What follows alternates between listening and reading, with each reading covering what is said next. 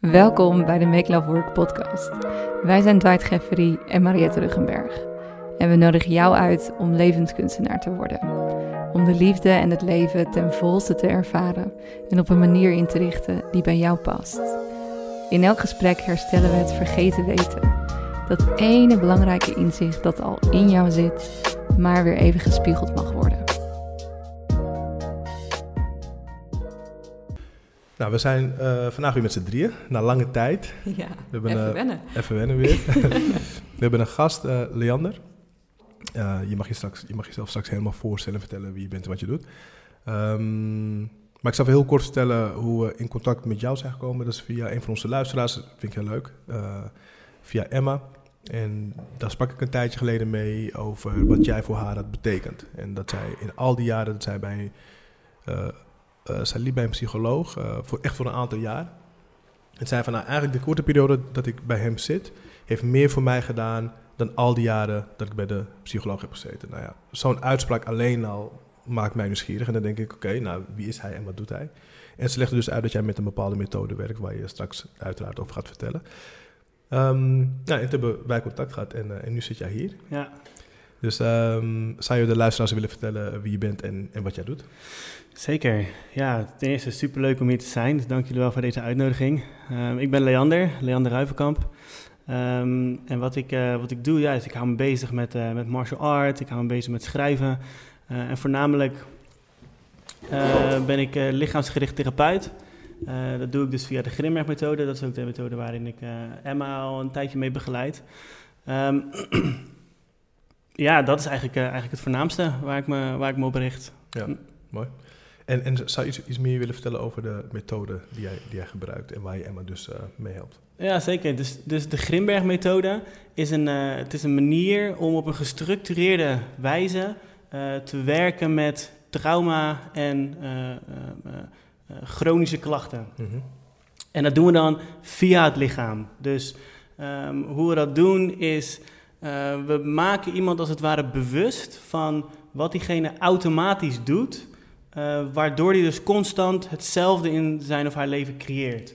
Um, en dan door middel van een proces uh, maken we iemand uh, daar dus eerst bewust van en vervolgens trainen we samen om datgene wat ze dus automatisch doen en hoe ze automatisch reageren te stoppen. Hmm. Um, en dat is een, ja, het is een, het is een heel, heel groot proces en dus voor iedereen is het ook verschillend en het is heel individueel. Maar voornamelijk doen we het door um, iemand te laten zien of ze maar samen te zoeken naar patronen waar iemand soort van in vastzit. Ja. Uh, patronen in je lichaam, patronen in je denken, patronen in je gevoel, uh, patronen in je aandacht. Dus waar je aandacht naartoe gaat in verschillende situaties. Um, en door iemand dus bewust te maken van die patronen, um, kunnen we dus iemand aanleren om zo'n patroon te stoppen. En dan kan er dus woe, heel veel gebeuren. Ja. En hoe leer je dan aan om zo'n patroon te stoppen? Ja, dus dat is, dat is uiteindelijk waar het hele proces om gaat. Dus in de eerste instantie, um, kijk, als je iets echt wilt veranderen in je leven, is het vaak natuurlijk heel belangrijk dat je eerst uh, erachter komt waar je mee te maken hebt. Dus ja. Een heel assessment, we doen een foot assessment, dus ik lees iemand zijn voeten, uh, waar ik heel veel informatie uit haal. En, en wat voor informatie kun je uit de voeten halen bijvoorbeeld? Ja, bijna, bijna alles. Ja, ja, ja, Dus, dus waar kijk je naar? Naar hoe groot is een teen of klein? Of hoe, hoe staan iemands voeten? Of lijnen op de voeten? Ja, of? ja, alles. Ja, dus lijnen op de voeten, type huid, hoe de voet staat, hoe de tenen staan, de grootte van verschillende vlakken. Oh, wauw, dat Of het vochtig voelt, of het maar, zacht is. Of, of droog, juist. Ja, droog. Eigenlijk alles wat je in een voet ziet, heeft een bepaalde betekenis. Maar ik vind het heel gaaf, omdat ik dit best wel confronterend vind, omdat je lichaam niet ligt. Uh, dus je kunt je met, bij psychologen vaak best wel eromheen lullen. En, en in ieder geval dat uurtje wel vullen met jouw verhalen. Ja. Maar ja, je, je voet die... Uh, ja, ik, zit hem, ik zit hem meteen te verstoppen ja. ja, je, je voet, het is gewoon het is een hele... Het is een hele het is ook een beetje een andere manier van zo'n proces beginnen. Want iemand zit dan op een, op een tafel, een massagetafel, op een stoel. Ja. En ik zit dan aan de, aan de voetkant, zeg maar, met degene zijn voeten naar mij toe.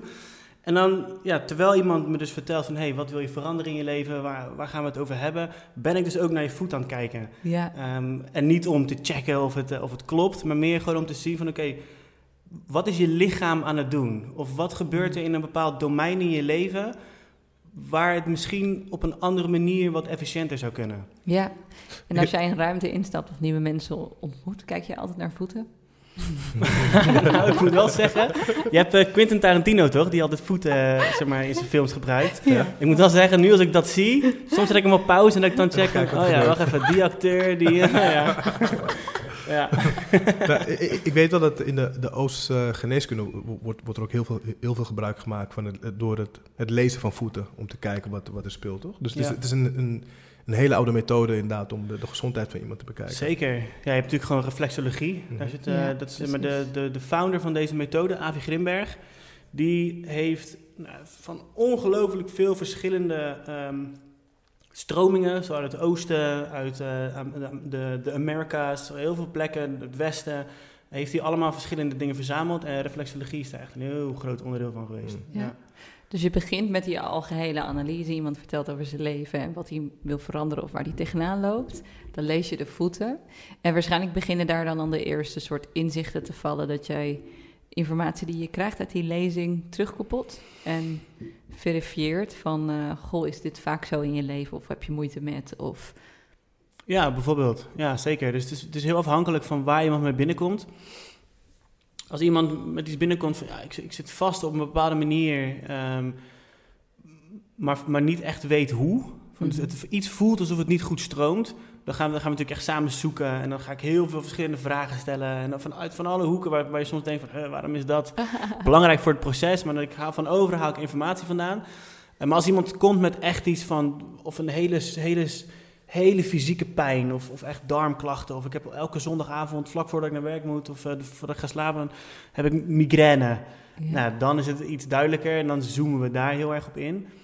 Uh, maar als het dus een stuk van breder stuk is, ik, voel, ik wil me ja, meer kunnen ontspannen in sociale settings. Of ik wil, uh, als ik op mijn werk zit, dan uh, voel ik me bekeken door die en die. En uh, nou, ik, ik, zeg maar wat. Als het zoiets is, dan kunnen we daar sneller op inzoomen. En dan, ja, dan hou ik daar ook weer de voet bij. En ja, zo is het altijd constant een soort van verzameling van verschillende punten. En wat is dan de volgende stap? Van, dus dat is één. Dus die informatie verzamelen en het patroon duidelijk krijgen. Ja, ja dan het de aim. Dus wat wil je? Dus dat is, dat, is eigenlijk, dat is eigenlijk een beetje waar het mee begint. Dus wat wil je veranderen in je leven? En dus dan is de initiële aim, nou, jij coach volgens mij ook, dus dat zou je ook ja. dat je een soort van initiële aim hebt. Ja. Dan heb je heel de assessment. Ja. En dan? En daar, dan hetgeen, de kern eronder. Precies, ja. dus dan kom je uit op iets uh, van ik wil weer kunnen genieten van het leven, of ik wil uh, me meer kunnen ontspannen, of ik wil diepere relaties, of ik wil eindelijk van die schouderpijn af, of ik, ik wil uh, geen, geen hoofdpijn meer, of nou, noem maar op, dat je een bepaalde aim hebt. Um, en dan maak ik een soort van plan, heel erg individueel, over um, hoe gaan we zeg maar, de blokkade soort van opheffen die die aim in de weg zitten. Ja. En dat is dan het lichaamswerk. Ja, en aim, dat is het Engelse woord voor doel. Doel, ja, ja, sorry. Ja, ik doel. denk vertaald voor de zekerheid. is, is het zo dat... Um, Oké, okay, stel dat, dat ik een een, een, een issue heb. Ik, heb. ik heb een probleem met mezelf of ik heb een obstakel. Maar ik voel het niet fysiek. is het dan nog steeds, is het nog steeds zo dat ik door jou behandeld kan worden omdat ik het niet fysiek voel? Ja, zeker weten. Want kijk, ten eerste, alles, we doen alles met ons lichaam. Hmm. Er, is, er is geen enkele activiteit die je niet met je lichaam doet. Zelfs denken is uiteindelijk een fysieke activiteit die in je hersenen gebeurt. Ja. en omdat we natuurlijk in een, in een maatschappij leven met I think therefore I am, uh, nou weer Engels, maar mind over matter, dat, dat idee, mhm. dat is natuurlijk uh, ja, best wel diep in de cultuur waarin we leven. Dus bijna iedereen zit alleen maar in zijn hoofd. Ja. Dus nou ja, het overgrote deel van, van mijn cliënten, daar wijs ik dingen aan waar ze geen idee van hebben dat het gebeurt. Dat ze überhaupt last hebben of dat, dat het een fysieke blokkade is. Precies, ja. Ah, ja, ja, ja, ja, Dus dus iemand die zegt van oké, ik, ik heb bepaalde gedachten waar ik vanaf wil en ik ga naar iemands eh, borst of diafragma of bovenbeen. Ja. En dus in eerste instantie is het natuurlijk van oké, waarom heeft dat met daar te maken? Mhm. Ehm, maar dat is in essentie wel wat er gebeurt. Dus, maar, dus je kan heel duidelijk je manier van denken beïnvloeden met je lichaam te werken. En andersom, dus je, manier, of je lichaam door je manier van denken. Ja. Ja. Hoe, hoe, hoe ben jij... ehm, hoe, hoe is jouw route gelopen om te zijn waar je, nu, waar waar je nu bent als therapeut? Want het is natuurlijk niet een... Althans, ik, ik had er nog nooit van gehoord. Hm. Dus voor mij is het niet heel gebruikelijk of heel bekend. Althans, ik, ik spreek voor mezelf. Maar voor de mensen die ik ken, die, die, die, die kennen het niet. Dus hoe, hoe, hoe ben jij... Ja, hoe, hoe ben jij de, de, de therapeut geworden die je nu bent? ja, ik denk dat het een beetje ehm, eh, share your own medicine idee is geweest. Ja. Dus dat ik... eh, ja, hoe begon het? Ik denk dat het echt begon toen ik eh, in Amsterdam ging wonen. Toen realiseerde ik me plots van... Wauw, ik heb wel heel veel negatieve eh, overtuigingen over mezelf. Mhm. En ik weet nog heel specifiek, ik was op het eh, eh, sta- station in Hilversum. En ik zette mijn fiets zette ik in het eh, fietsenrek. En ik, had, ik was net terug uit, uit, uit Mexico. Ik had een hele lange reis gemaakt. Ik had mijn baard een beetje laten staan. En toen dacht ik van, wauw, ik wil naar zo'n barbier toe. En dat was een, en toen in één keer hoorde ik mezelf denken... Nee, dat is niks voor jou. Dat is alleen iets voor, voor, echte, voor echte mannen. En, en toen in één keer had ik iets van... Hè? Wow, maar waarom zeg ik dat tegen mezelf überhaupt? En wat, nou, wat is het dan echt? Nou, bla, bla, bla. Dus toen realiseerde ik me van... oh, Dat, dat is best wel vaak gaande eigenlijk, dat ik op die manier tegen mezelf praat. Nou, toen had ik uiteindelijk een, eh, heb ik een vrouw gevonden die eh, masseerde op een bepaalde manier en die met adem werkte. En zij nodigde me uit om eh, op een ademweekend te komen. En dit is echt, ik denk 2014. Ehm, en ik nou, naar het ademweekend toe gegaan en tegen al mijn vrienden gezegd dat ik eh, gewoon een weekendje weg was. Ik had tegen niemand gezegd wat ik ging doen, want ik vond het ook wel een soort van spannend. Niet, dat- ik schaamde me er niet voor, maar het- ik deelde het ook niet. Ja. Het was een Het soort was van- nog te kwetsbaar. ja, nog te kwetsbaar. Het was echt een van hele persoonlijke exploratie voor mezelf. En tijdens dat ademweekend, ehm, aan het einde, realiseerde ik me één keer hoe ongelooflijk ontspannen ik me voelde. En dat ik me in één keer wel gewoon helemaal kon laten zien. En dat ik dingen kon vertellen in de groep. En tegelijkertijd realiseerde ik me dus, wow, als dit nu dus zo is, dan is er de rest van de tijd dus echt iets mis. Ja. Want dat is de rest van de tijd niet zo. Dus ik wist toen heel erg duidelijk van oké, er is iets waarop, eh, of iets wat ik kan doen waardoor er een groot verschil is. Maar wat is dat dan, dat verschil? En hoe weet ik wat er nou precies tussen mij op deze manier en mij op mijn no- normale oude manier zit? Ja. Ja. Nou, toen ben ik echt gaan zoeken naar allemaal verschillende eh, methodieken. En eh, ik heb een coachopleiding gevolgd. En toen, eh, daarna ben ik bij een studiegroep terechtgekomen van twee hele inspirerende leraren. Eh, heel erg bezig geweest met meditatie, somatische exploraties en eh,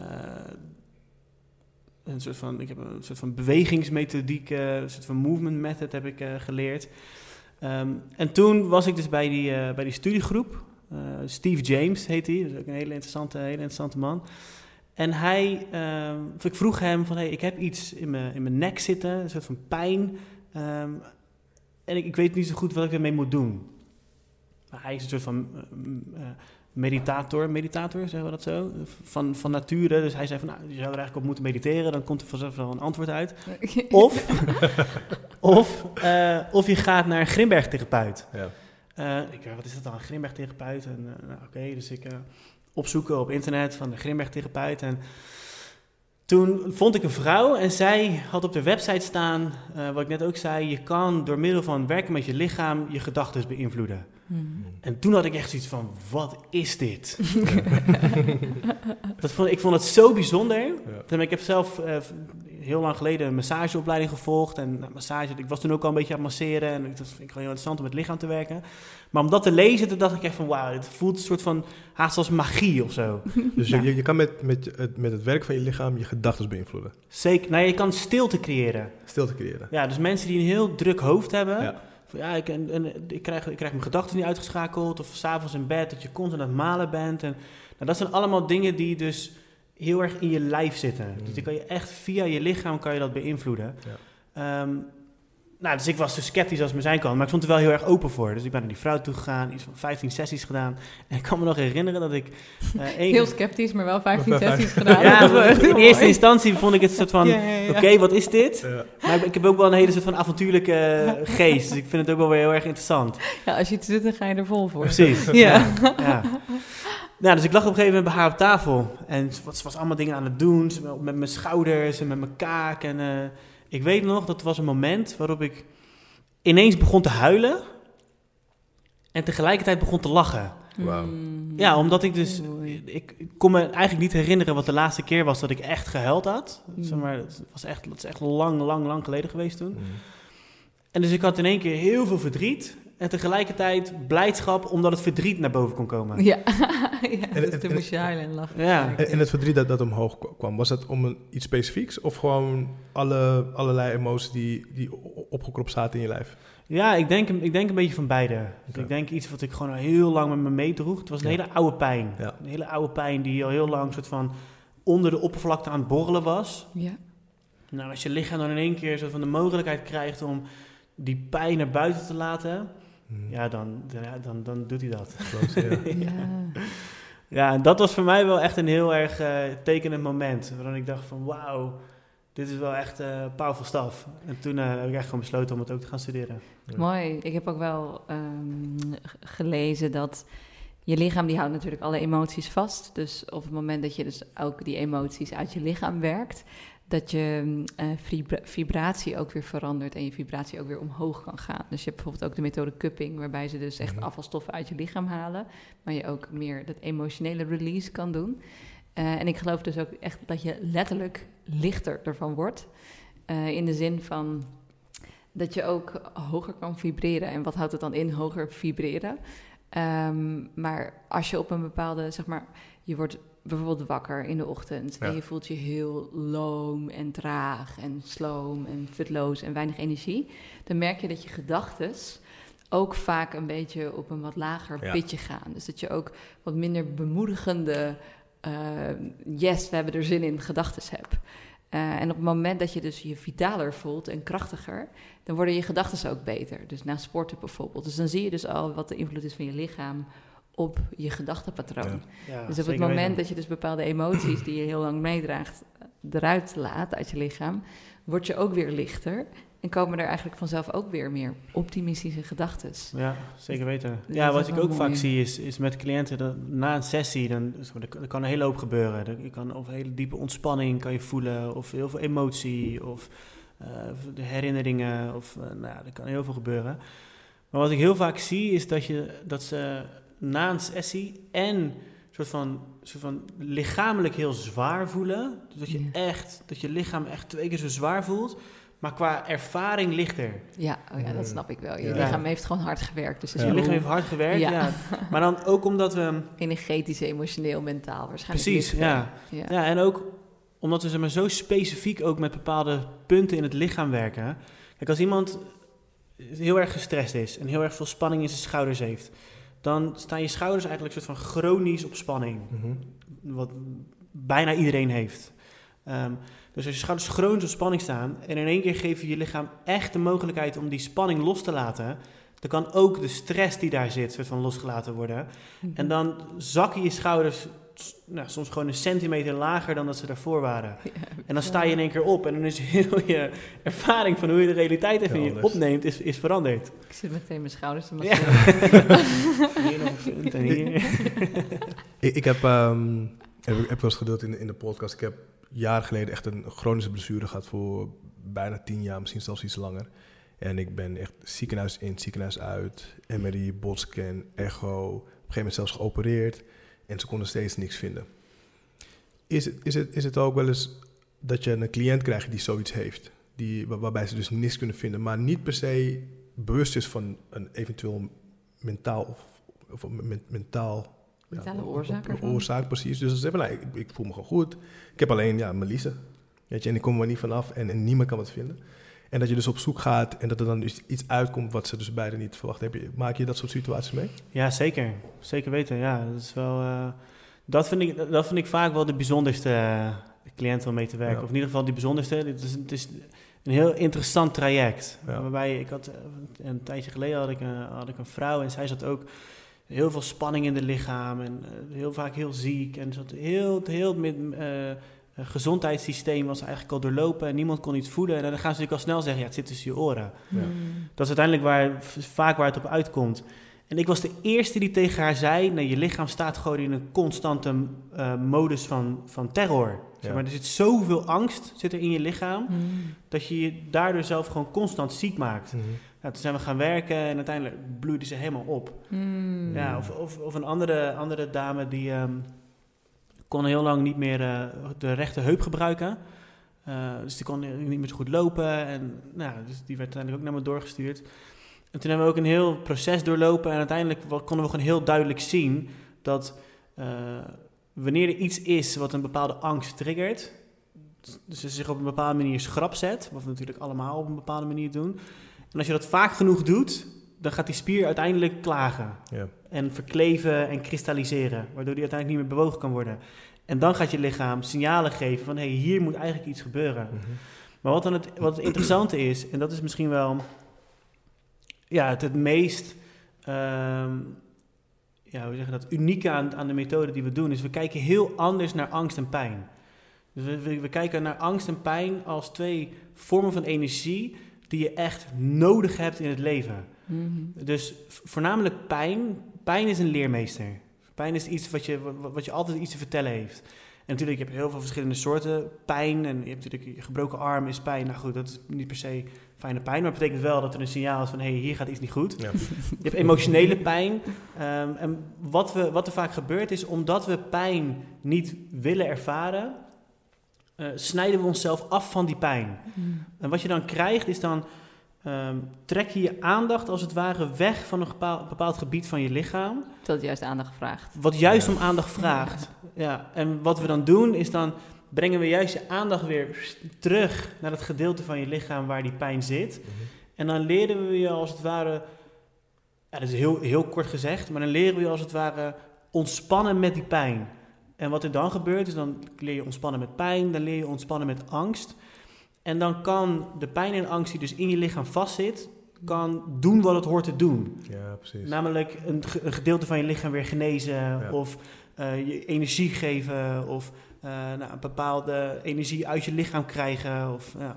Ja, ja want het, het, het vreemde is, ik heb dus met, met Melissa, ik heb, de, ik heb echt, los van het medische aspect, althans de normale, eh, no- normale medische route die ik heb, heb bewandeld, heb ik ook allerlei andere dingen geprobeerd.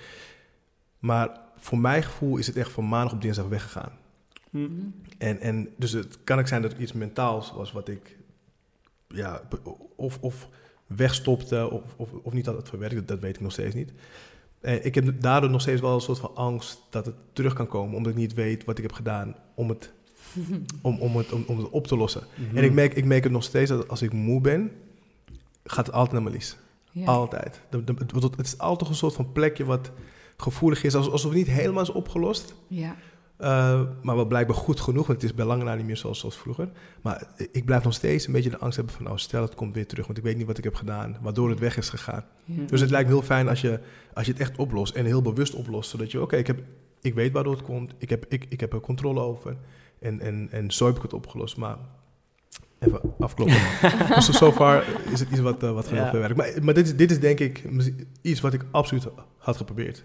Ja, Ja. ik denk dat, want wat je zegt is waar. Dat je, omdat je niet weet wat je hebt gedaan, waardoor het is weggegaan. En kijk, dat het weg is gegaan, wauw. Dat, is- Ja. dat is eigenlijk alles wat je, alles wat je, wat je je wilt, wil. ja. Ja, Grimberg-methode, onbewust bekwaam.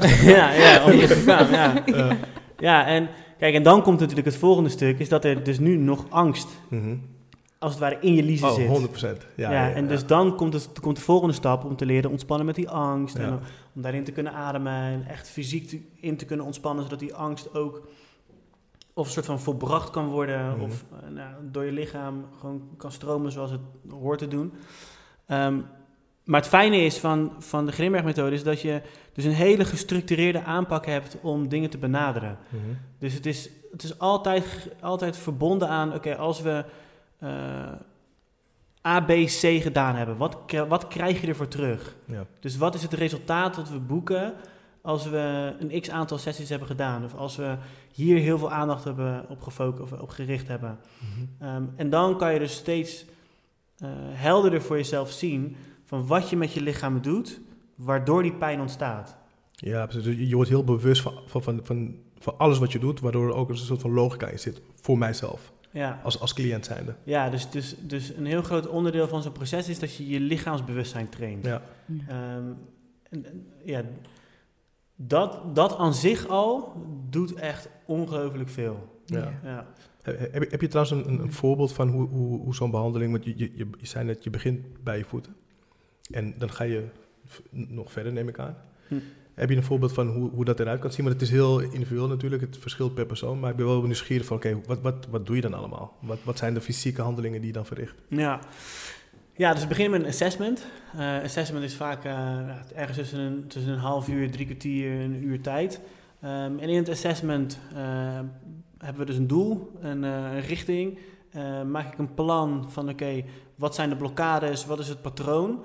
En eh, vaak komen we op het patroon uit tijdens de eerste sessie, soms misschien tijdens de tweede sessie of komen er nog andere dingen eh, later. Ehm, en dan na de, het assessment ehm, gaat diegene op een tafel, massagetafel liggen. Ehm, en dan ga ik nou, eigenlijk dat, dat plan uitrollen van Mhm. hoe eh, gaan we stap voor stap jou leren om dat patroon wat we hebben te stoppen. Ja, Ja. En dat doen we dan door eh, ja, op verschillende plekken met je, op je lichaam te werken. Ehm, ja, het- aanraking en ademhaling. Dat is Ja. eigenlijk het. eh, Mm. aanraking, ademhaling en eh, ja, dat noemen we verbal guidance. Dus op een eh, ja, verbale manier iemand gidsen in wat er gebeurt. ja. Mooi, Ja. ja. Wil ik ook al naar vragen. Waarschijnlijk is de adem ook wel een belangrijke tool. Omdat Zeker. het heel erg gaat om Ja. naar de pijn en naar de angst heen. Ja, begeleidt de adem wel mooi. En ehm, kan eigenlijk in feite bijna iedereen bij jou komen met een probleem. Dus hoeft het niet per se in de eerste instantie fysiek te uiten. Dus ik denk dat mensen bij je komen als ze fysieke klachten hebben. Maar ook wanneer ze bijvoorbeeld een laag zelfbeeld hebben. Of beide juist. Ja, misschien een depressie of Ja. verslaving. zeker. Help je mensen daar ook mee met die laatste Juist, twee? ja. Ik heb eigenlijk meer zulke soort eh, mensen die in een, burn-out zitten, uit een burn-out komen of eh, sociale angsten hebben of eh, eh, ja, ja, inderdaad ook veel fysieke klachten. Eh, eigenlijk is het voor wie het is, het is eigenlijk voor iedereen die een eh, Ja. verandering in zijn leven wilt aanbrengen. Ja, dat dacht ik al wel. Ja. Ja. Ja. Maar eh, heb je ook situaties waar- waar- waarbij eh, iemand, ja, iemand die klopt bij je aan en die zegt van nou, ik wil graag, ik, ik, heb, ik heb een probleem en, en jij gaat aan de slag en dan kom je erachter, ik kan je eigenlijk niet helpen. Heb je ook van, van, dat soort situaties? Ehm, ja, dat was meer in het begin, omdat ik toen gewoon nog niet eh, dus alle skills had die ik nu heb. Ja, En tuurlijk zullen er, zal ik mensen tegen gaan komen waarbij ik denk van... misschien is het beter als je naar, eh, naar, naar, naar een andere methode gaat. ja. Alleen dan nog kan ik iemand helpen om fysiek te leren ontspannen... of om Hmm. mentaal te leren ontspannen... of om iemand te, te laten zien van... hey, dit is wat je met je boosheid doet. Of Ja. dit is wat er met eh, verdriet gebeurt. Of dit is wat er aan de paniekaanval vooraf gaat. Ja, prachtig. Eh, dus ja. echt dat lichaamsbewustzijn Ja. trainen en ook helpen met het leggen van die verbanden. Ja, Tussen wat er in je lijf zichzelf manifesteert en wat het emotioneel dan of mentaal doet. Ja.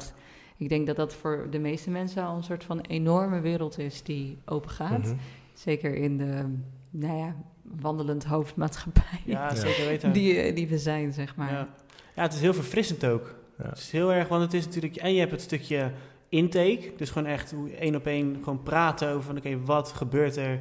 Wat ervaar je? En hoe loop je er tegenaan? En, nou, dus dan, en ik ben natuurlijk constant bezig om samen te vatten... en te laten zien van... Oké, dit is het patroon. Dit is wat ik in je voeten zie. En dit gebeurt er op dat punt en op dat moment. En als je dat doet... En, ehm, en daarna is het altijd fysiek. Mhm. Dus het is, en, dan, en ook als het probleem alleen maar emotioneel is... of alleen maar mentaal... Ja. Wat, er, wat er eigenlijk haast nooit het geval is. Maar Nee. dan nog gaan we altijd fysiek aan de slag. En dat is heel, heel erg verfrissend. ja, dat vind ik ook. En, en Ja. er, er zullen, er zullen vast ook situaties zijn eh, waar- waarbij iemand misschien al zo lang met een probleem loopt en dat zich zo lang fysiek uit, dat hij of zij moet wennen aan de nieuwe omstandigheden. Ja, En, Ja. en dat misschien zelfs oncomfortabel voelt om, eh, om, om het nieuwe te voelen. ja. hoe zorg je ervoor dat diegene niet terugziet naar het oude bekende, wat misschien niet helemaal dienend was, maar wat, wat, wat, wat toch heel vertrouwd is gaan voelen? Ja, dat is, want ja, je komt dan, je, je raakt dan een beetje iemands identiteit aan. Ja. En dat is eng. Ja. Ja, zeker. En dat, ja, dat nemen we helemaal mee in het proces. Want dat is, dat is dan juist waar het om gaat op dat moment. Mhm. Dat je niet alleen een, bepaalde, een bepaald symptoom hebt, eh, fysiek of eh, emotioneel of mentaal, maar dat je ook nog eens je identiteit eromheen hebt gevormd. Hmm. En dus als je dan in één keer aan dat systeem gaat lopen schudden en dat het dan een soort van in één keer weer ja, verandert, Ja. wie ben je dan? Of wat blijft dan, er dan over? Ja. Nou, wat je vaak ziet is, we hebben patronen aangeleerd in ons leven om om te gaan met eh, pijn, met schaamte, met angst, met schuldgevoelens, met bepaalde trauma's die we in onze jeugd hebben opgedaan. Ehm, dus die, die patronen liggen eigenlijk ergens bovenop. Mhm. En dus wat er gebeurt op het moment dat je dus heel specifiek werkt met een patroon en een patroon soort van eh, stopt, waardoor de ervaring wordt volbracht en dus de, de onderliggende pijn of angst of schaamte naar boven kan komen en gevoeld kan worden, dan is de essentie van het patroon niet meer van toepassing. Mhm. Want je hoeft de, die schaamte niet meer te verbergen. Ja. Of je hoeft die pijn niet meer binnen te houden. Want die is gevoeld, die is naar boven gekomen en een soort van opgelost Ja, bevrijd. bevrijd. Waardoor je dus in één keer heel veel vrijheid terugkrijgt, omdat je niet meer bezig bent met dat, dat ding waar je altijd bezig bent geweest. Ja. Dus, Ik vind het heel mooi. Ik heb ook wel een vervolgvraag op, eh, op, de, op de vraag van Mhm. eh, Dwight. Want als ik hoor over de Grimberg-methode en als ik jou gewoon eh, hier zie en voel, dan denk ik nou 100% zeker dat dat werkt. Eh, en misschien niet voor iedereen, want ja, je, misschien is een andere methode toevallig op dat moment een match. Maar Tuurlijk, ja. ik voel heel erg de kracht ervan, omdat je mentaal, emotioneel en fysiek werkt. Ja, en dan, dan, dan heeft iedereen elk, elk escape deurtje dat je wilde pakken, ja, ja. is gebarricadeerd. Ik zie het. dus dat is gewoon onwijs mooi en onwijs powerful ervan. En daarnaast heb ik gewoon dus, dus naast even dat ik voel, dit werkt en dit is prachtig. En, en ik hoop dat heel veel mensen nu denken, oh yes, dit wil ik. Mhm. dit is een nieuwe ingang. Ehm, heb ik de laatste tijd zelf ook wel eens van die kritische gedachten over überhaupt de eh, mentale, psychische hulpverlening eh, in general. Van, eh, het is heel erg gericht op, op het veranderen of het verbeteren van een situatie, waarvan ik dus ook geloof dat dat gebeurt en dat dat kan. Eh, en ik heb, de laatste tijd ben ik ook wel sceptisch van in hoeverre, in hoeverre kun je dingen echt wezenlijk veranderen. Dus wanneer iemand een, een ehm, manisch-depressieve aard heeft, of een depressieve aard, of verslavingsgevoelige aard, en er zit verslaving in de familie, je vader is verslaafd, of je opa was verslaafd, en die, zijn vader, was weer verslaafd. Soms vraag ik me af in, in hoeverre kan je wezenlijk veranderen dat iemand met een best wel diepe, ik noem het maar eventjes, imprint is geboren. Eh, ik geloof zelf, ik ben heel erg benieuwd naar jullie meningen hierover. Dus Mhm. van alle twee, van zowel, ja, van beide. Maar ik geloof zelf dat je eh, een soort diepe imprint meekrijgt, waar je wel ehm, eh, een rek in kan krijgen. Dus waar je heel veel progressiestappen in kan zetten. Maar dat er ook een soort, ehm, ja, een soort rek uit is. Dat op een gegeven moment heb je een soort van tien stappen in progressie gezet. Ja. En dat is het dan. En voor jou is het beste scenario dat je erkent dat je bijvoorbeeld eh, gevoelig bent voor verslavingen. Eh, je weet dat je gewoon alcohol moet vermijden. En eh, je weet dat als je dat doet, dat het eigenlijk beheersbaar blijft. En daarnaast ontwikkel je nieuwe gezonde gewoontes, waardoor die neiging om naar de alcohol te gaan wat minder wordt. Mhm. En dat dat misschien wel het beste is wat je kunt doen. Dus dat het misschien voor jou wel zo is dat je nooit meer een biertje kan pakken. Want dat triggert gewoon dat diepe imprintpatroon te veel. Of als je een depressieve kant hebt, en dat zie je vaak in relaties, dat dat vooral wordt gespiegeld. Dat dat altijd een, een, ja, een, een issue zal zijn binnen die relatie. En dat er altijd periodes zullen komen waarbij je dus niet aanwezig kan zijn op de manier waarop je aanwezig wil zijn. Ja. En toch wat meer in apathie zit. Ehm, dus dat is mijn persoonlijke mening. Dat ik denk dat als je een hele diepe imprint hebt daarin, dat je wel progressie kan boeken. eh, maar dat het ook deels is eh, accepteren, dit is de wagen waarmee ik rij. en in, tot zover kan ik die wagen pimpen en optimaliseren. En dit blijven de gebreken ervan. Maar ik ben heel erg benieuwd, want misschien gelooft een van jullie wel. Nee hoor, alles valt te transformeren. Mhm. Dus ehm, hoe zien jullie dit? Eh, nou, kijk, ik, ik, ik, ik denk dat je dat niet eens zou moeten willen. Dat je alles enorm transformeert. Ja, Want ik denk dat, eh, dat de inbreng die je hebt meegekregen, dat daar vaak ook iets, iets in zit wat, wat je ook heel ver brengt. ja, Uh, um, alleen, als, als, oké, heel simpel, ik kijk naar mezelf. Ik kijk naar mezelf en de, de, de mannen in mijn, in mijn familie. Naar alle, ja, naar mijn vaders, mijn ooms, opa, alle mannelijke figuren. Dan zie ik duidelijk een patroon. ja. Veel kinderen, veel verschillende vrouwen. Ja, een soort van verslaving, zou je dat Ja, of... of, Ik of weet het niet. eh, nou, ik weet niet of De verslaving... Nou, ik, ik, ik denk dat, dat, dat er een... een ehm, niet zo goed weten misschien hoe je een gezin moet leiden. Ja, En eh, misschien... dat is het patroon. Ja, Dat is het patroon. En, en ehm, nou, als, je dat, als je dat constant ziet natuurlijk, ja, dan krijg je het mee. En op een gegeven moment gaat het helemaal in je zitten. En ja, als ik dan kijk naar mezelf bijvoorbeeld. Ik, ik, ik word nu ik word vader. En, maar ik ben... Mooi, v- gefeliciteerd. veer- dankjewel. Maar ik ben 14 jaar later dan mijn vader ermee begonnen. En ik ga waarschijnlijk ook fouten maken. Waarschijnlijk. Ik ga fouten maken. Iedereen. Maar ik, ik denk dat mijn verandering is dat ik wijzer ben. Want ik ben 38 en mijn vader was 24. Ja, Dus ik denk dat, dat, dat daar al een verandering in zit. En dat ik misschien wel de, dezelfde fouten maak die hij maakt. Maar dat ik, dat ik niet vier vrouwen, zes kinderen heb. ja, Maar dat ik de fouten maak in mijn gezin. Ja, En, en bij hem was het, de fouten waren wat groter. Dus ik, ik en maar als je dan kijkt, van, ja, mijn kinderen zullen, me, zullen later ook tegen me, tegen me zeggen: Hé hey, pa, dat neem ik je kwalijk. Net zoals ik tegen mijn vader zeg: Pa, dat neem ik je kwalijk. ja. Dus we maken nog steeds fouten, maar ik denk dat de, de, de fouten steeds net iets, net iets minder schadelijk zijn. Dus ja, ik zou niet 180 graden willen veranderen. Want die, dat, dat, dat, dat, zo werkt dat volgens mij niet. Nee, maar jij hebt in ieder geval de optimale progressie geboekt. Juist. binnen Ja, de, wagen die je hebt Ja. gekregen. En dat vind ik zelf heel mooi, omdat ik ook een systemische achtergrond heb, systemisch werk. Ik geloof zelf dat je dit met generaties doet. Dus dat je echt met generaties steeds stappen progressie boekt. En dat je eigenlijk steeds een betere auto aflevert. Exact, ja. Ik heb even geen betere Steeds metafoor dan een- 2.0 versie. Ja. Ja, maar, Ja. Ik, ik- maar ik denk dat het überhaupt zo met, met, met beschavingen gaat. ja. Dat, dat, dat er, eh, er moet gewoon tijd overheen gaan. Ik, Ja. ik, ik, ik, had, ik had laatst, als we het hebben over een trauma, dat ging over de slavernij. En, ehm, en er was een man die was aan het klagen van ja, we, we zijn nog steeds, we maken nog steeds fouten, we hebben nog steeds de mentaliteit van de slaaf.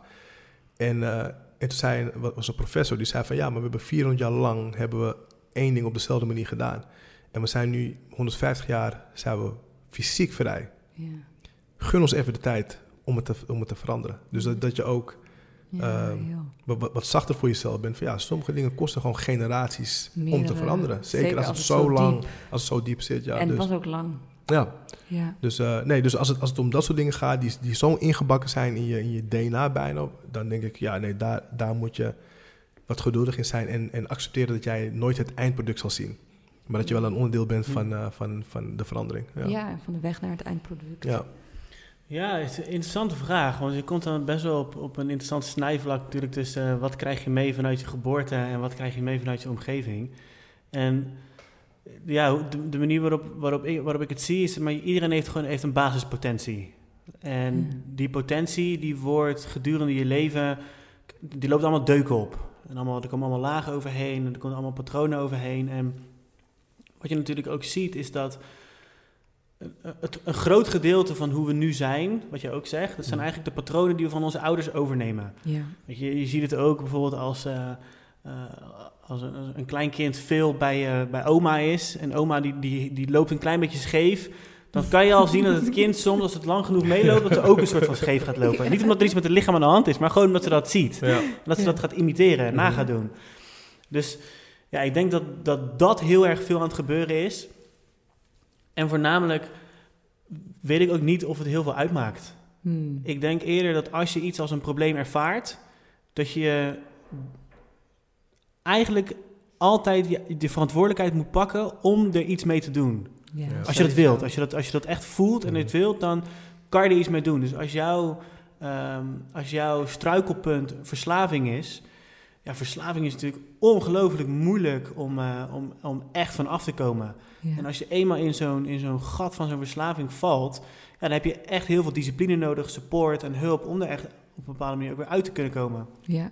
En dan is het aan jou om die discipline vast te houden en daar op jouw manier mee te werken. En of het dan iets is wat, wat echt verandert, ja, ik- dat, dat is heel moeilijk om te zeggen, denk ik. Ja.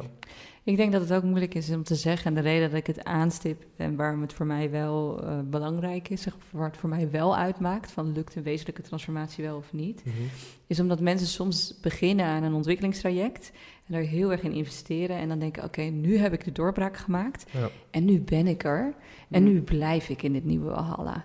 Eh, maar vroeg of laat, ik geloof erin dat het, als het dus zo in je, in je kernpatroon zit, Mhm. dat het weer terugkomt. En dat is niet erg. Maar dan heb je weer opnieuw de balans te vinden. En Ja. het mooie is, je hebt therapie gevolgd of je bent naar een psycholoog geweest. Dus Dus, je je hebt nu eindelijk de tools om jezelf weer eh, eerder te balanceren. Ja. Maar dat het dus eerder iets is wat je gewoon, oh oké, ja, dit, dat was weer dat dingetje van, van mijn wagen. En eh, oh, nu speelt hij weer op. Ja. Oh, nou, dan gaan we daar. Oh, yes, we kunnen ademen. Wat was het nou? Ja. Ademen en Mhm. Ja, voelen. dan voelen, ja, goed oh, ja, staan. bevrijden uit het systeem. Ja, yes. Ja. Ja. Nee, ik denk dat, dat daar zit wel een groot verschil in tussen, tussen lichaamswerk en de reguliere eh, praattherapie of coaching. Want met lichaamswerk volbreng je iets. Ja, Als precies. ik, bijvoorbeeld, als ik bijvoorbeeld naar mijn eigen, naar mijn eigen eh, ja, route kijk van de afgelopen jaren. Want, je wordt een therapeut. Dat is natuurlijk gewoon eigenlijk alleen maar... Dat is, dat is drie jaar lang therapie, wat, je dan, wat je dan volgt. Ehm, en dingen waar ik dus voorheen echt wel heel erg veel moeite mee had... of heel erg mee, mee struggelde... Ja, ze zijn gewoon niet meer in mijn aanwezigheid. Dus, dus ze zijn niet meer in mijn aandacht. Mhm. Dus het is, is niet dat het soort van iets is waar ik eh, nog mijn best moet doen of moeite voor moet doen om dat niet meer te doen. Nee. Maar, maar de, de essentie van datgene wat eronder zat is weg. Waardoor het, is, het ook geen moeite meer is. Ja. Nee, dat is wel heel mooi. Maar dus bij jou is er een, transform een blijvende transformatie is er plaatsgevonden. Ja. En dan het, het, de issue waarmee je kwam, zeg maar, wat negatieve gedachten. Bijvoorbeeld over, nou ben ik wel mans genoeg. Ja. Ja, dat, Mag ik wel naar de barbier? Mag ik wel naar de barbier, zeg Ik moet wel naar de barbier binnenkort. Ja, dat, dat is gewoon... ik vind hem er nog mooi uitzien. Inderdaad. maar ja, dat, dat is iets... Je, natuurlijk transformeer je en voel je je eh, nu krachtiger of beter of zekerder over je mannelijkheid.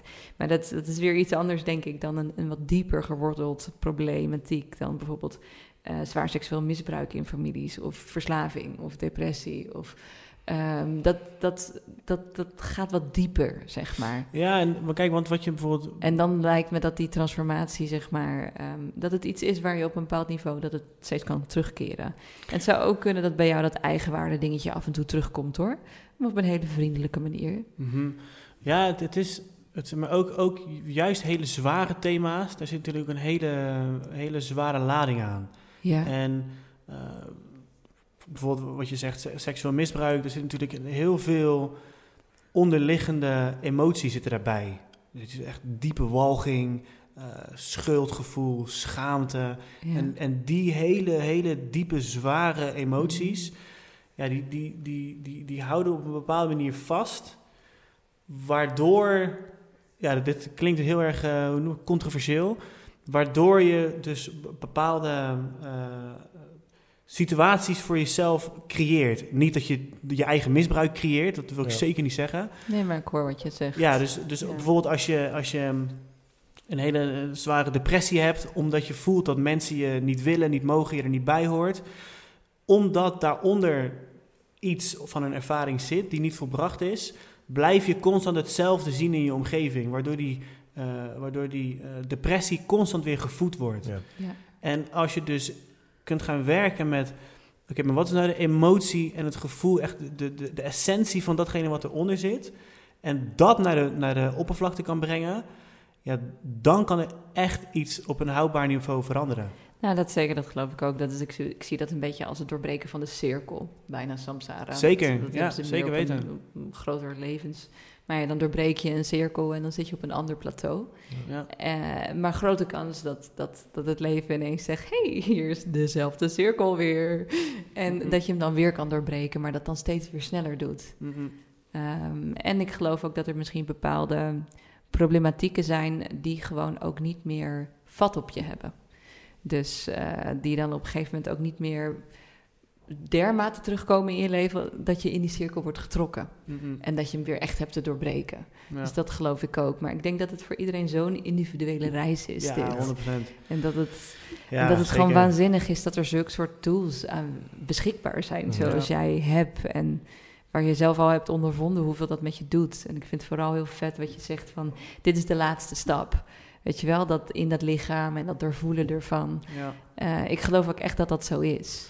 Ja, en dat dat een ja. beetje een soort van ondergeschoven kindje is of zo. Iets wat in de psychologie niet per se heel veel aandacht krijgt. Mhm. Wat het gewoon goed genoeg is wanneer het bij het mentale, emotionele blijft. En dan, dat- ja, dat lichaam, daar blijven we dan bij weg.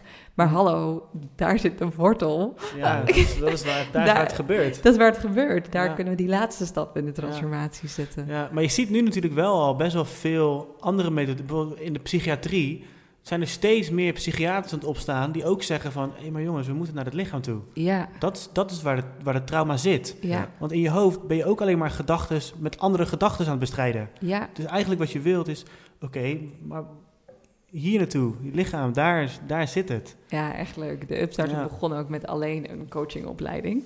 En dat hebben we, we hebben ons pakket uitgebreid naar dus ook dat lichaamsgerichte. Dus het healer, masseren en Ja, drukpunten, maar ook ademcoaching. Om, dus het is bij ons dus ook pas recentelijk de cirkel rond. Oh ja, Ja. mooi. Ja. Dus het is ook dat ik gewoon merkte dat ik ben zelf ook daar begonnen. dat is wat je als eerst voorhanden hebt. Hm. Ja, Ja. ik ook. Ik ben ook als coach begonnen. Ja, Ja, zeker. en dan ga je steeds dan weer energetisch. Dan doe je weer iets met systemen. Ja. ja, er zijn, ook, er zijn natuurlijk ook heel veel mooie methodieken om te werken. Soms is het ook gewoon heel interessant om van alles wat te kunnen proeven. Eh, ja, zeker weten. Ik heb, ook- ik heb ook systemische sessies gedaan en ademsessies. Tuurlijk, dus dat is, als, je, als je interesse daar ligt, dan, ja, dan kan je daar gewoon als een soort van vis in het water... kan je overal wat proberen. Ja. Wat ik denk dat wel belangrijk is, is dat je... Zeker als je, als je echt eh, wilt ontwikkelen of echt een soort van therapie in wil gaan... of echt voelt van oké, ik wil iets veranderen in mijn leven... dat je iets verandert of iets soort van ehm, aan wilt pakken wat echt een probleem is. Dat je echt als probleem ervaart. Want anders dan wordt, dan wordt het een soort van ik ben aan het ontwikkelen puur om het ontwikkelen. Ja. Ja. en dat is, precies. dat is best wel een grote val waarin je dan een soort van jezelf helemaal kan kwijtraken. Ja, wauw, dat is heel sterk dat je dat, Dat is een hele zegt. goeie. Ja. ja, want dat is ook een soort van mm, wieletje waar je in kan zitten. Ik voel me goed, want ik werk aan mezelf. Maar Ja. is er dan wel iets? Precies. Je mag leg- niet gewoon ja. chillen nu. Ja, want eigenlijk leg je dan constant die voldoening net een stukje in de toekomst. Ja. Ik, ben, ik voel me Mooi goed, want ik ben dit aan het doen. Of want ik ben nu hier aan het werken. Mhm. Maar als je, als je dus van echt een proces ingaat van... oké, ik heb dit probleem. En, eh, en het kan heel verwarrend zijn. Hè? Ik, ik denk dat ik dit probleem heb. Of ik, of ik weet, ja, iets voelt niet goed. Of nou, ja, wat dan ook. En je werkt daaraan en dan ook dat proces kunnen sluiten. Van we hebben nu dit gedaan, dit is het resultaat. Ik voel me anders. Klaar. Mhm. En als ik dan weer iets nieuws voel, opnieuw beginnen. Dan denk ik dat dat echt wel heel belangrijk is. Voor, voor welke therapie of, of, of coaching je ook doet. Ik ik zou het wel vet vinden als een therapeut of psycholoog op een gegeven moment tegen je zegt... Het is klaar. Ja, hield. Jouw recept is, ga naar de cocktailbar. Ja, ja, of het precies. nou 0% alcohol of met. Ja. En waar ben je het meest trots op? Van wat je doet? Of een project met een cliënt? Mm, nou, misschien in het, in het, eh, in het eh, ja, verlengde van, van, van dit, van het afronden van een proces, is dat ik had toevallig laatst had ik een, eh, had ik een jongeman die eh, in een burn-out zat en eh, hele donkere gedachten en echt heel moeilijk, echt een heel moeilijk proces had. En we hebben iets van tien sessies hadden we gedaan. En het, de eerste vijf waren echt best wel zwaar. Waarin hij een soort van schuldgevoel naar boven voelde komen. Omdat hij zijn, ja, zijn vader niet kon helpen. En toen die laatste vijf sessies, steeds als hij terugkwam, zag ik hem een soort van vrolijker en, en, en blijer weer terugkomen. En toen na tien sessies hebben we gewoon gezegd van ja, klaar. Dit is, we kunnen, ik, kan, ik kan je een soort van eh, als mij... eh, als mijn, eh, mijn verdienplan kan ik je bij me houden, maar dat gaan we niet doen, want het is gewoon afgerond. Zeg maar, dit voelt voor jou nu gewoon goed. Hij werkte weer. hij wist precies wat hij deed tijdens zijn werk, waardoor hij in die burn-out terecht kwam. Daar kon hij, soort van, hij kon het stoppen. Hij kon het veranderen. Hij kon zich meer ontspannen. Hij was weer aan het daten. Dus ja, dat was echt te gek. Mooi. Ja, dat vond ik echt wel dat vond ik echt te gek. Dus zulke soort dingen, dat geeft me gewoon heel veel, heel veel, heel veel vreugde. Ja, mooi. Ja. Waar, waar kunnen de, de luisteraars jou vinden? Ehm, ze kunnen me vinden op Instagram, eh, Leander Ruivenkamp. Eh, ik heb ook een website, leanderruivenkamp.com. Ehm, en misschien wat nog wel, wel gaaf is, ik, ga in, ehm, ik ben er nu heel erg mee bezig. In, ehm, vanaf, waarschijnlijk vanaf maart 2024 ga ik een zes maanden programma eh, eh, starten. Ehm, om mensen echt heel specifiek, zeg maar, enerzijds op een heel individueel niveau te helpen. Dus individuele lichaamsgerichte sessies. En daarnaast dus ook groepswerk. Dus eh, hoe kunnen we dat zeg maar, soort van combineren? Ja. En dan tussenin een heel specifiek trainingsschema om je lichaamsbewustzijn te trainen, je aandacht te trainen, je patronen te kunnen zien. En ehm, ja, dat, dat wordt echt een hele gave reis van, eh, van zes maanden. Ik ben er nog helemaal mee aan het werk, dus niks staat nog online. Eh, maar dat is wel wat er aan gaat komen. Dat is misschien wel heel, eh, wel heel leuk voor mensen. Zeker. Nou, we gaan de beschrijving, eh, eh, de, je website en je Instagram, die plaatsen we in de beschrijving. Dus dan kunnen ze dus even een kijkje nemen bij wat je allemaal doet en eh, eventueel een afspraak inplannen. Ja, te gek. En ik heb, eh, ik heb een cadeautje voor jullie als dat oké is. Zeker. Ja? Ja? leuk. ja. Als het maar niet over mijn voeten gaat. Ja, ik vond het zo, eh, zo tof om hier eh, te komen. Dat je uitgenodigd had om te komen praten. Het is voor mij ook niet eh, elke dag dat het gebeurt. Ik, heb, eh, en ik, hoorde, ik had toevallig een eh, aflevering gehoord dat jullie eh, eh, spoken word doen. Ja. Dat hebben we één keer gedaan, ja. Ja, ja, Ja. ik ben zelf ook spoken word artiest. Oké. Al lang geleden dat ik het gedaan heb. En ik doe ook dichten schrijven. Dit is het dichtbundeltje wat ik gemaakt heb. Oh, nice. Dus die wil ik graag allebei eh, eentje aan jullie geven. Mooi. Dankjewel, man. Ja, alsjeblieft. Heel nice. Mooi dat je dat ook doet. Oké, ik ga daar even zo. As if my heart knows I'll be fine. As if my heart knows. Oh, ja? Ja. As if my heart knows I'll Wacht, be fine. Oh, ja. Of nee? Ja, het gedicht hier begint, beginnen. begint hier. Ah, hier zo. This Ja, silent force. Oh. Hier. Oh, the hard. Maar dan moet ik al die... Ah. Oh, jammer. Oh, jij mag ook daar doen als je wil. Ik ben ja, helemaal ik vrij. denk dat, dat dit ene stukje greep me. Ah, oké. Ja, go. toch? Ja, zeker. Dat is, dit is de poëet in mij die... eh, Ja, nee, ik snap het. Het heeft, het heeft een opbouw. ja. Ja, maar, Maar doe het, ja. deze snippet die uh, Ja. roept mij. As if my heart knows I'll be fine. As if my heart knows there is stable ground underneath the water. And that eventually, undoubtedly, regardless of how scared I am, regardless of how creative my mind is in serving me with uncomfortable... Oh, poef, jij mag hem doen. Alleen die. As if my heart knows I'll be fine. As if my heart knows there is stable ground underneath the water and that eventually, undoubtedly, regardless of how scared I am, regardless of how creative my mind is in serving me with uncomfortable thoughts, its songs will be too strong to ignore and its music will be too beautiful not to dance to. Prachtig. Wauw. Mooi afsluiten. ja. Dankjewel. Stel dat je dit een mooi gesprek vindt. eh, heel fijn als je de podcast-episode deelt en abonneert op ons kanaal. Dat helpt ons met onze zichtbaarheid, maar ook met onze missie. Want hoe meer mensen delen, hoe meer liefde we met elkaar verspreiden.